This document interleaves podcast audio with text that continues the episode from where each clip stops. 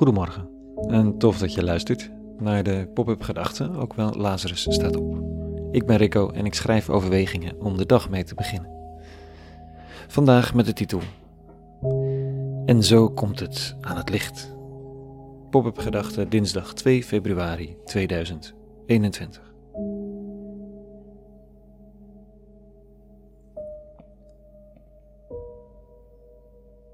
De crises van deze wereld brengen aan het licht uit wat voor hout we gesneden zijn.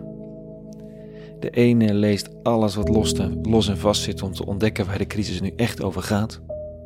Toegegeven, dat zijn er misschien niet al te veel. De ander accepteert de nieuwe grenzen, met gemor of gelatenheid, die de nieuwe crisis op het pad brengt en maakt er het beste van. Een derde verzet zich met alle macht tegen de nieuwe begrenzing. Een vierde blijft in de schaduw doen wat hij of zij toch al lang deed, maar nu wat stiekemer, met het risico op boetes en problemen. Een vijfde haalt zo snel mogelijk eruit wat erin zit. Oh, en dan ben ik misschien nog de kill the messenger types vergeten.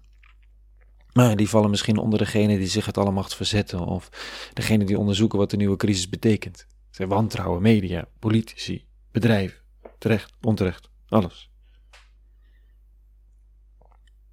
Er zijn vast meer categorieën, maar dit zijn de eerste vijf waar ik zo aan moet denken. Onderzoekers, meebewegers, het verzet, de fraudeurs en de vierers of verspillers. Of het nu gaat om klimaat, corona of persoonlijke crisis, we reageren allemaal anders. Informatief ook wel eigenlijk, want het toont wie we zijn. En zogezegd de rijkdom ook toont het, van wie we met z'n allen zijn.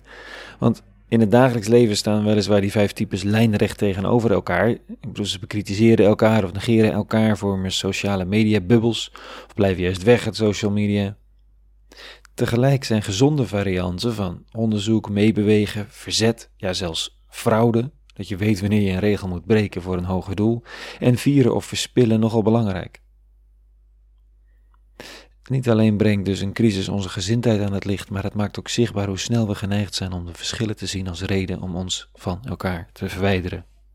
In plaats van dat we van elkaar leren, genieten.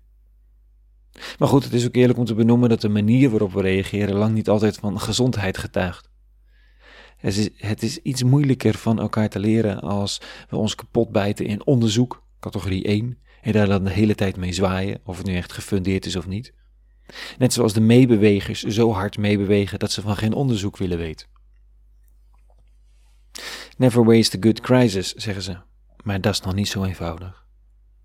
Al denkend en schrijvend formuleer ik dus voor mezelf de opdracht om mijn eigen gezindheid eens een voorzichtig labeltje te geven. Niet te drastisch, want hokjes en vakjes zijn maar van beperkte waarde.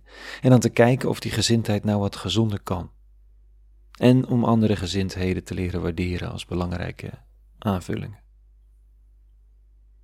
De man van Nazareth, waar ik vanochtend over lees, is ook een soort corona of een klimaatverandering. Hij is een crisis in eigen persoon. Zo komt de gezindheid aan het licht. Althans, dat profiteert de oude Simeon over het kleine jochie als het naar de tempel wordt gebracht voor zijn volwassenwording. Vanochtend. Dit zegt de lyrisch geworden profeet bij de aanblik van het jochie. Daarop sprak Simeon over hen een zegen uit, staat er. En hij zei tot Maria, zijn moeder: Zie, dit kind is bestemd tot val of opstanding van velen in Israël. Tot een teken dat weersproken wordt, opdat de gezindheid van vele harten openbaar mogen worden. O, en uw eigen ziel zal door een zwaard als door een zwaard worden doorboord. Jezus van Nazareth als crisis in de wereld. Een teken dat weersproken wordt, wat sommigen tot opstanding brengt, anderen ten val, dat aan het licht brengt wat voor gezindheid er in de harten speelt. Overigens ten koste van moeder en kind, want dat gaat rottig pijn Een goede crisis brengt iets aan het licht. Mogen in godsnaam die spiritualiteit van christendom een zinnige crisis zijn, die precies dat doet. Aan het licht brengen wie we zijn. En dat dit tot onze val of opstanding kan leiden, dat is zo. Opstanding is te prefereren, maar een val is ook hartstikke leerzaam. Tot zover de pop-up gedachten van vanochtend. Een hele goede dinsdag gewenst met vallen en opstaan en vrede en alle goeds.